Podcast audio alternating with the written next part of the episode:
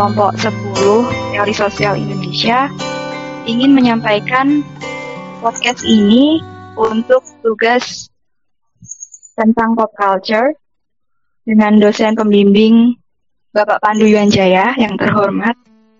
Di podcast kali ini kita mengangkat tema tentang musik indie. Uh, terlebih dahulu kita mau memperkenalkan diri terlebih dahulu. Bahkan dari Putri. Perkenalkan nama saya Putri Fatimah. Nomor absen 11. Selanjutnya.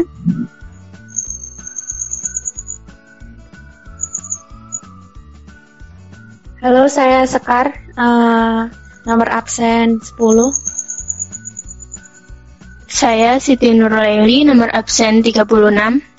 Dan saya Duniarti Ayu Fadila, nomor absen 2. Dan di podcast kali ini, kita akan membahas beberapa poin-poin penting yang membahas tentang musik indie itu sendiri. Yang pertama, apa sih itu indie? Lalu karakteristik ciri lagu ini tuh seperti apa? Lalu kok bisa booming terus diikutin masyarakat, khususnya kaum milenial seperti kita. Lalu gimana pengaruh indie sama budaya nongkrong ngopi saat ini? Lalu gimana juga sama tren fashion yang dipengaruhi oleh indie tersebut? Lalu indie menolak dominat, dominasi kapitalis. Nah itu bagaimana? Lalu apa sih yang sebenarnya pengen indie sampaikan ke masyarakat? Dan apakah ini yang saat tren di suatu mendatang akan menghilang? Atau pudar diganti sama musik-musik lain? Nah, semua poin-poin penting itu akan dijebarkan dalam podcast ini. Lanjut saja, untuk bahasan pertama dipersilahkan. Ya, pada pembahasan pertama, yaitu mengenai apa sih itu musik indie.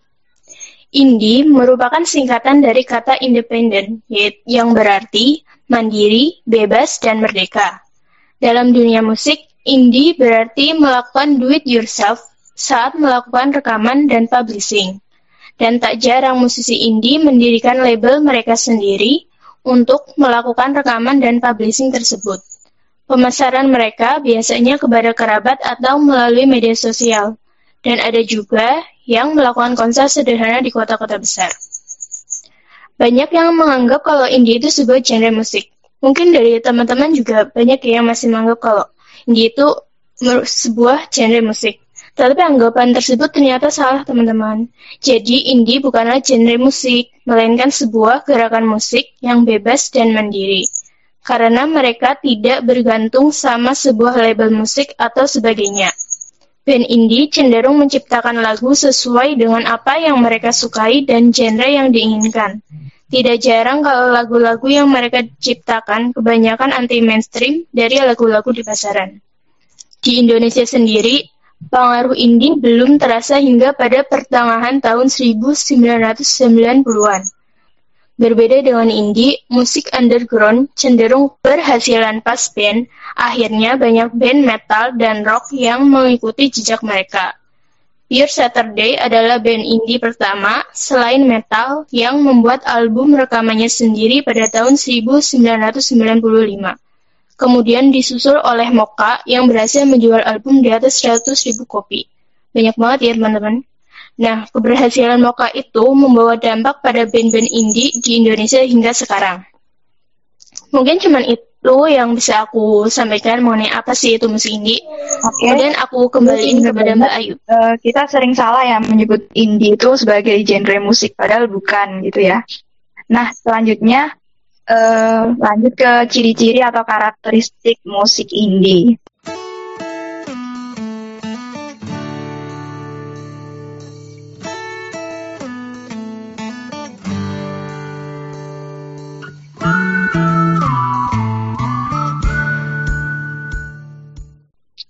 Musik indie ini tujuannya ingin menghadirkan agar lebih mudah diingat dan terkesan lebih unik liriknya membawakan tentang tema-tema sosial, terus indie sendiri bukan dari rekaman di label-label ternama, melainkan dari pem belum memperkenalkannya ke publik itu dengan cara indie atau juga bisa disebut dengan independen. Disebut independen karena beberapa musisi kesulitan untuk memasuki dapur rekaman karena berbenturan dengan kepentingan. Oleh karena itulah, banyak yang kurang terekspos uh, lagu-lagu indie atau band-band indie. Lalu memiliki banyak genre indie itu seperti genre genrenya ter rock, jazz, metal, dan folk. Nah, folk ini yang menggambarkan musik rakyat dengan penuh kesederhanaan yang saat ini banyak digemari oleh kaum muda dan juga banyak digunakan oleh musisi-musisi untuk menciptakan lagunya. Nah, ciri-ciri tersebut dapat kita temukan dalam band-band indie seperti Kunto Aji, Pamungkas, Hindia, Payung Teduh, Efek Rumah Kaca, 420, Versa Besari, Bandanera, dan masih banyak lagi. Bahkan yang belum terekspos pun masih banyak. Nah, gitu aja ciri-ciri musik indie. Uh, selanjutnya, bahasan kok bisa booming sih musik indie terus diikutin oleh masyarakat khususnya kaum milenial. Uh, selanjutnya akan dibahas oleh pembahas selanjutnya.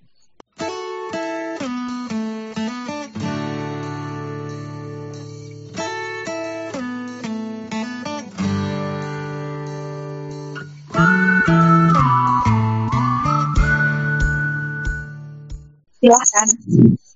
Oke, jadi di sini aku mau bahas tentang kok bisa sih ini itu uh, banyak digemari sama masyarakat saat ini, khususnya kaum milenial.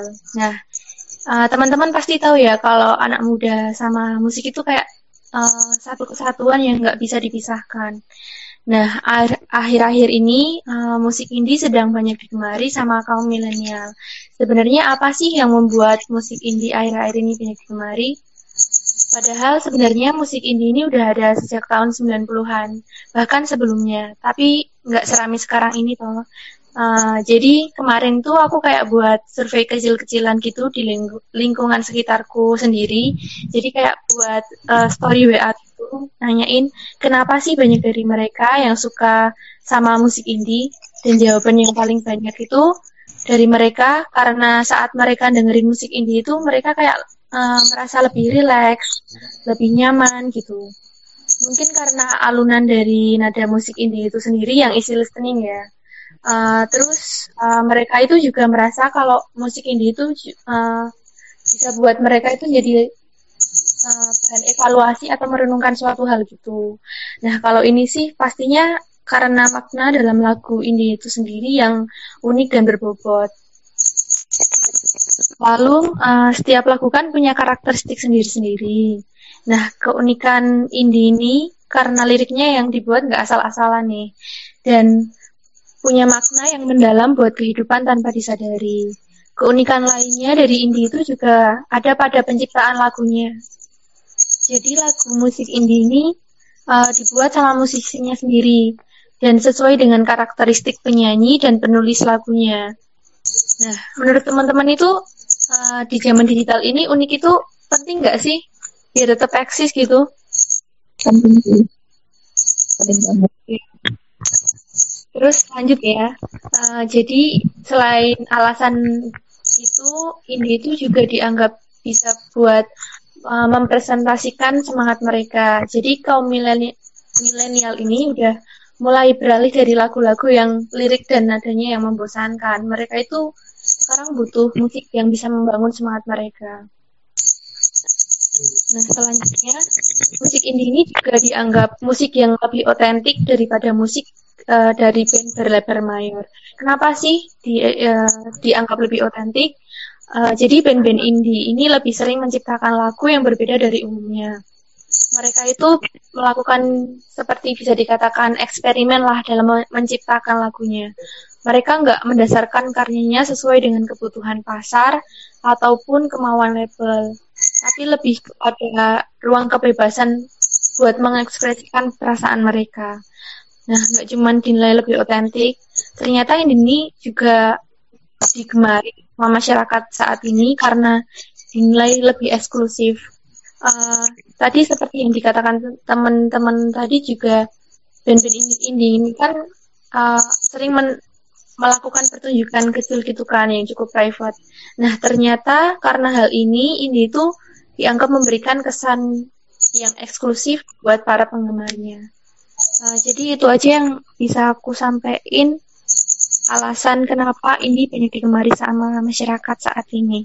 Kembali ke moderator. Ya, terima kasih.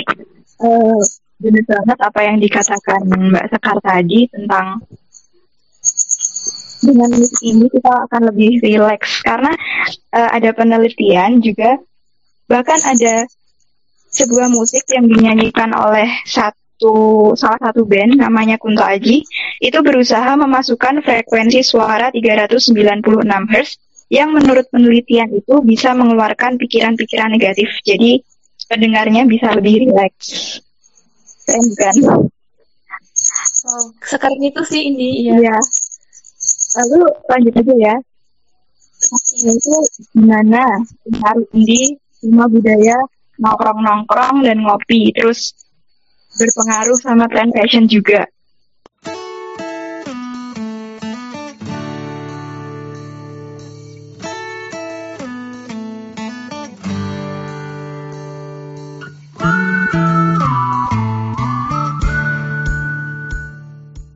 Mungkin ini pengaruh indie terhadap budaya populer itu ya.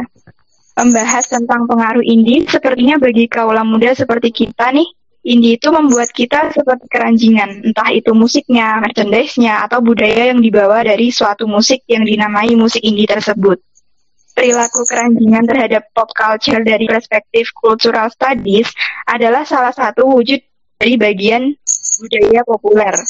Musik indie dapat dikatakan budaya populer pada saat ini. Banyak sekali anak-anak muda yang menggemari musik indie karena kualitasnya lebih baik dari label-label musik besar, sehingga dapat dikatakan perilaku keranjingan musik indie yang beraliran kritik sosial ini adalah budaya populer.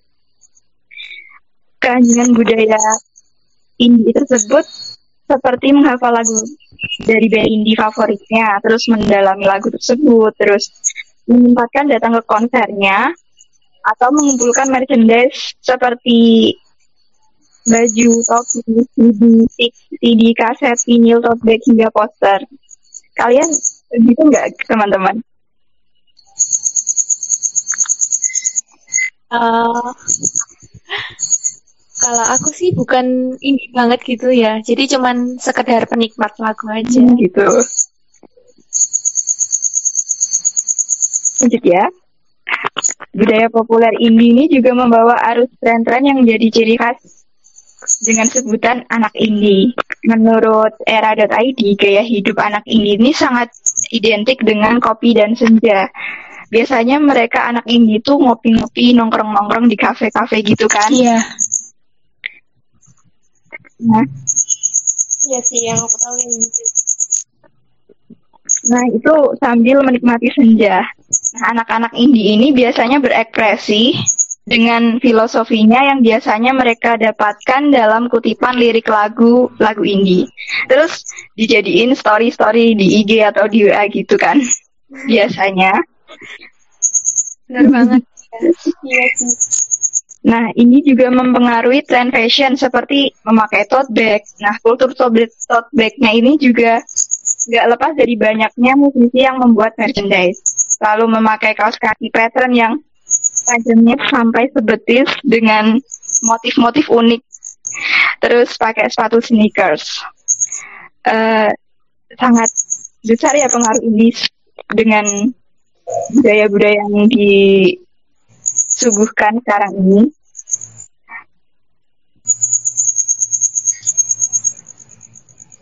Apakah teman-teman sering menemui uh, teman-temannya mungkin yang memiliki ciri khas sebagai anak indie. Ya sih ada temanku uh, yang indie banget itu juga ada. Ya, betul. Iya ya.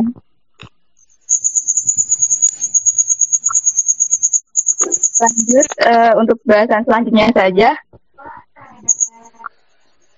Ini lebih ke ideal ideologi banget ya ini bahasan selanjutnya ini.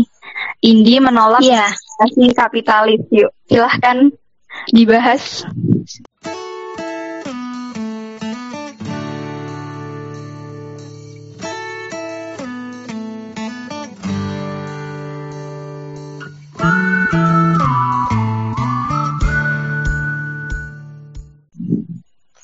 Nah, sebenarnya musik indie ini gagasan menolak dominasi kapitalis.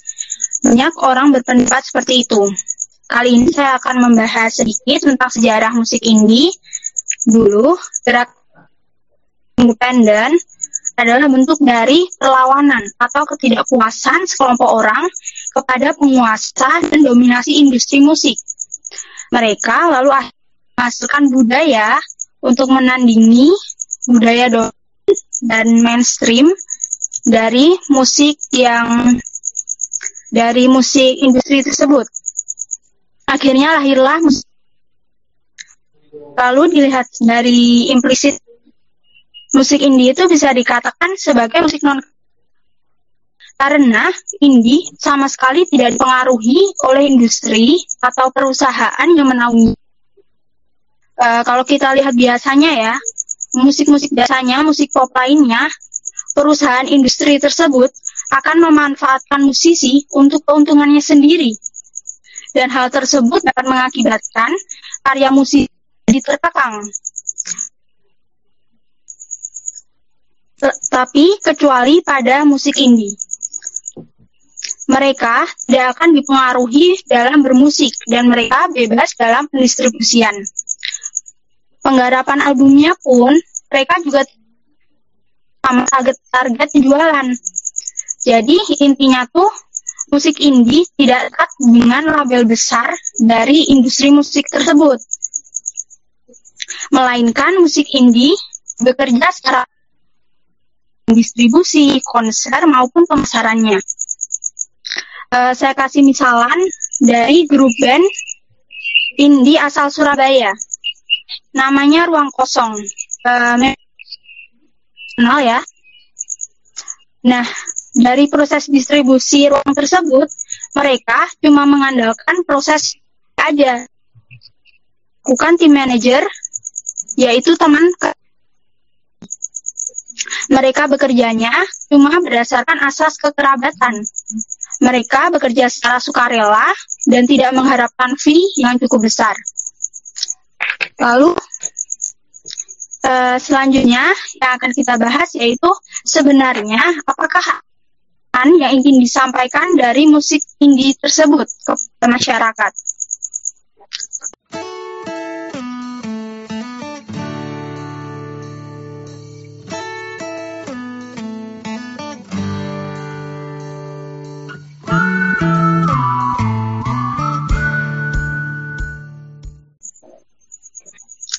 Dilihat dari sejarahnya tadi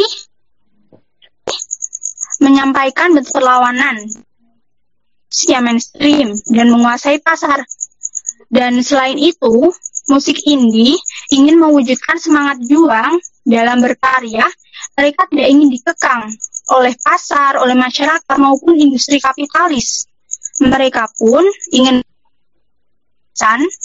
dari aturan yang mengekang musik terhadap karya mereka sendiri. Mereka akhirnya menciptakan karya yang orisinil ikut campur tangan dari industri musik. Akhirnya, musik-musik independen, musik-musik indie, mereka mempunyai peran besar mengedukasi masyarakat bahwa tidak sekedar untuk kebutuhan bisnis yang bisa kita lihat saat ini. Tetapi musik itu adalah karya, karya intelektual melalui lirik-liriknya, cerdasan yang berbentuk putis, dibalut instrumen musik, dan mengajak kita untuk melakukan sesuatu positif lirik-lirik tersebut. Maka, musik indie tersebut bukannya sebagai media hiburan ya, tetapi sebagai fasilitas untuk mencapai kepekaan sosial di dalam masyarakat itu sendiri. Apakah teman-teman paham sama yang aku sampaikan? Paham. Oke. Sangat lengkap. Kita kembalikan kepada moderator. Ya, terima kasih. Eh, jadi konsep indie itu lebih ke mengusung kebebasan atau do it yourself.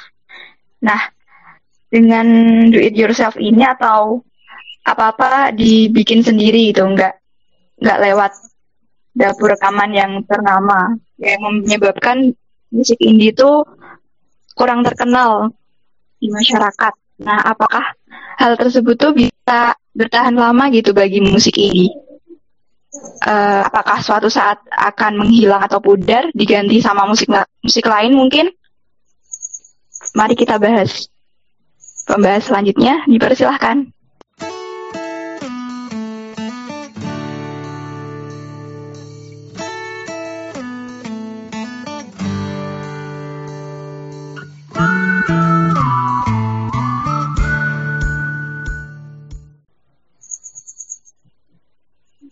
Oke. Eh, mengenai apakah musik indie yang saat ini tren di masa yang akan datang akan pudar atau tergantikan oleh musik-musik lain. Sebenarnya kita nggak tahu pasti ya teman-teman, karena kan tidak ada rumus untuk menebak tren musik di masa depan gitu. Tapi ada yang meyakini bahwa musik sama seperti fashion teman-teman, jadi ada siklus pengulangan tren dalam sebuah era. Seperti yang kita ketahui kan, musik indie itu eh, de- berawal dari tahun 90-an kan. Terus sekarang booming lagi. Jadi tidak menutup kemungkinan bahwa musik indie di masa yang akan datang dapat tergantikan oleh musik-musik lain seperti era-era sebelumnya. Namun yang perlu digarisbawahi adalah musik indie setidaknya lebih punya ketahanan yang kuat dalam menghadapi pergeseran pasar. Seperti yang kita lihat saat ini, industri rekaman besar mengalami penurunan penjualan. Tetapi musisi indie tetap punya panggung sendiri untuk bertahan. Mungkin itu aja sih. Ya, Aku terima kasih. Jadi- moderator. musik indie ini nggak bisa diprediksi apakah akan punah atau gimana yang intinya seperti tren fashion yang memiliki siklus tersendiri begitu ya. Nah, Iya. eh, sebagai penutup di podcast kita kali ini eh, untuk kita salah satu urusannya untuk public interest. Kenapa sih harus kita ngangkat tema itu? Mungkin ada yang bisa bahas ini? Dipersilahkan. Iya, jadi aku di sini mau bahas eh, tentang sebagai public concern apa apa sih alasan kita mengangkat tema indie ini? Jadi eh, kita mengangkat tema indie ini karena eh, kita merasa di era saat ini tuh kita eh, masih banyak yang belum tahu tentang apa sih musik indie folk yang sebenarnya itu. Nah, jadi kita sebagai public concern seharusnya itu bisa lebih peka terhadap musik-musik yang mengarah pada titik sosial yang sebenarnya sangat dekat dengan kehidupan kita. Nah, musik indie ini kan makna dari lirik-liriknya dalam dan kritis banget kan. Ternyata ada juga musik indie yang nyampein kritikan dan pesan buat kejadian-kejadian yang ada di kehidupan sosial dalam negara ini. Kayak misalnya, teman-teman tahu nggak uh, Iya, Efek tahu. Kaca? Tahu. Iya. Nah, itu tuh eh, bandnya dengan Lugas eh, merekam masalah sosial ternyata. Misalnya di lagunya yang berjudul Di Udara, itu menceritakan tentang hilangnya Munir yang sampai saat ini pun belum ada titik terang kan.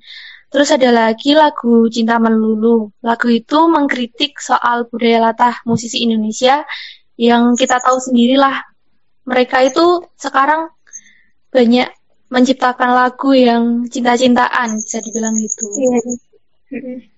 Terus ada juga lagu Jalang dari mereka yang mengkritik tentang kebijakan dari undang-undang pornografi dan porno aksi. Eh, lagu-lagu indie ini salah satunya dari efek rumah kaca bermuatan isu sosial yang mendeskripsikan bahwa mereka itu dapat memposisikan dirinya sebagai individu yang dapat eh, mendapatkan pengalaman secara langsung terhadap fenomena sosial itu sendiri. Jadi mungkin penyampaian lagu mereka itu lebih kerasa kan. Uh, selain itu, musik indie juga digunakan buat bahan renungan untuk mengoreksi diri se uh, seperti yang dikatakan di awal tadi. Terus selain itu juga buat media pembelajaran tentang kehidupan agar lebih mengarah ke arah yang lebih baik di kemudian harinya. Terus band-band ini juga punya kepakaan dalam menangkap kondisi sosial yang ada di lingkungan kita. Nah, mereka ini memberikan opini tentang apa yang mereka rasakan. Jadi, mereka itu kayak mewakili kita dalam menyampaikan pesan dan kritikan buat masyarakat ataupun pemerintahan lewat sebuah karya tersebut. Uh, jadi itu aja yang uh, bisa aku sampaikan. Kembali ke Ya, terima kasih.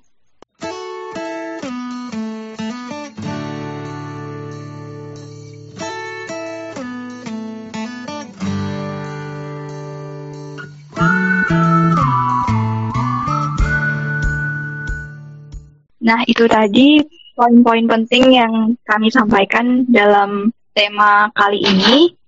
Nah, intinya musik indie itu tidak kalah dengan musik-musik ternama dengan keluaran dari dapur rekaman ternama. Intinya musik indie itu memiliki keunikan tersendiri bagi bagi penggemarnya seperti kaum milenial saat ini. Mungkin itu saja yang dapat kami sampaikan. Apabila ada kesalahan, kami mohon maaf sebesar-besarnya. Terima kasih. Wassalamualaikum warahmatullahi wabarakatuh.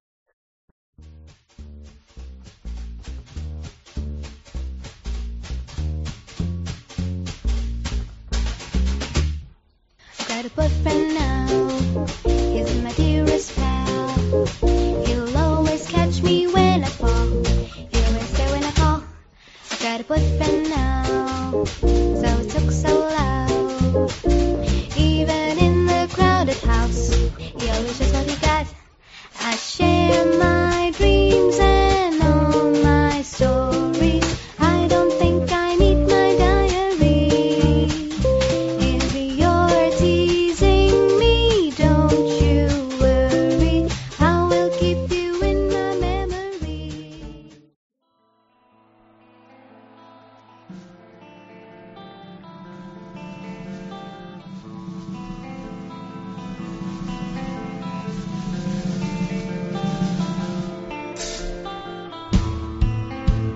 a tua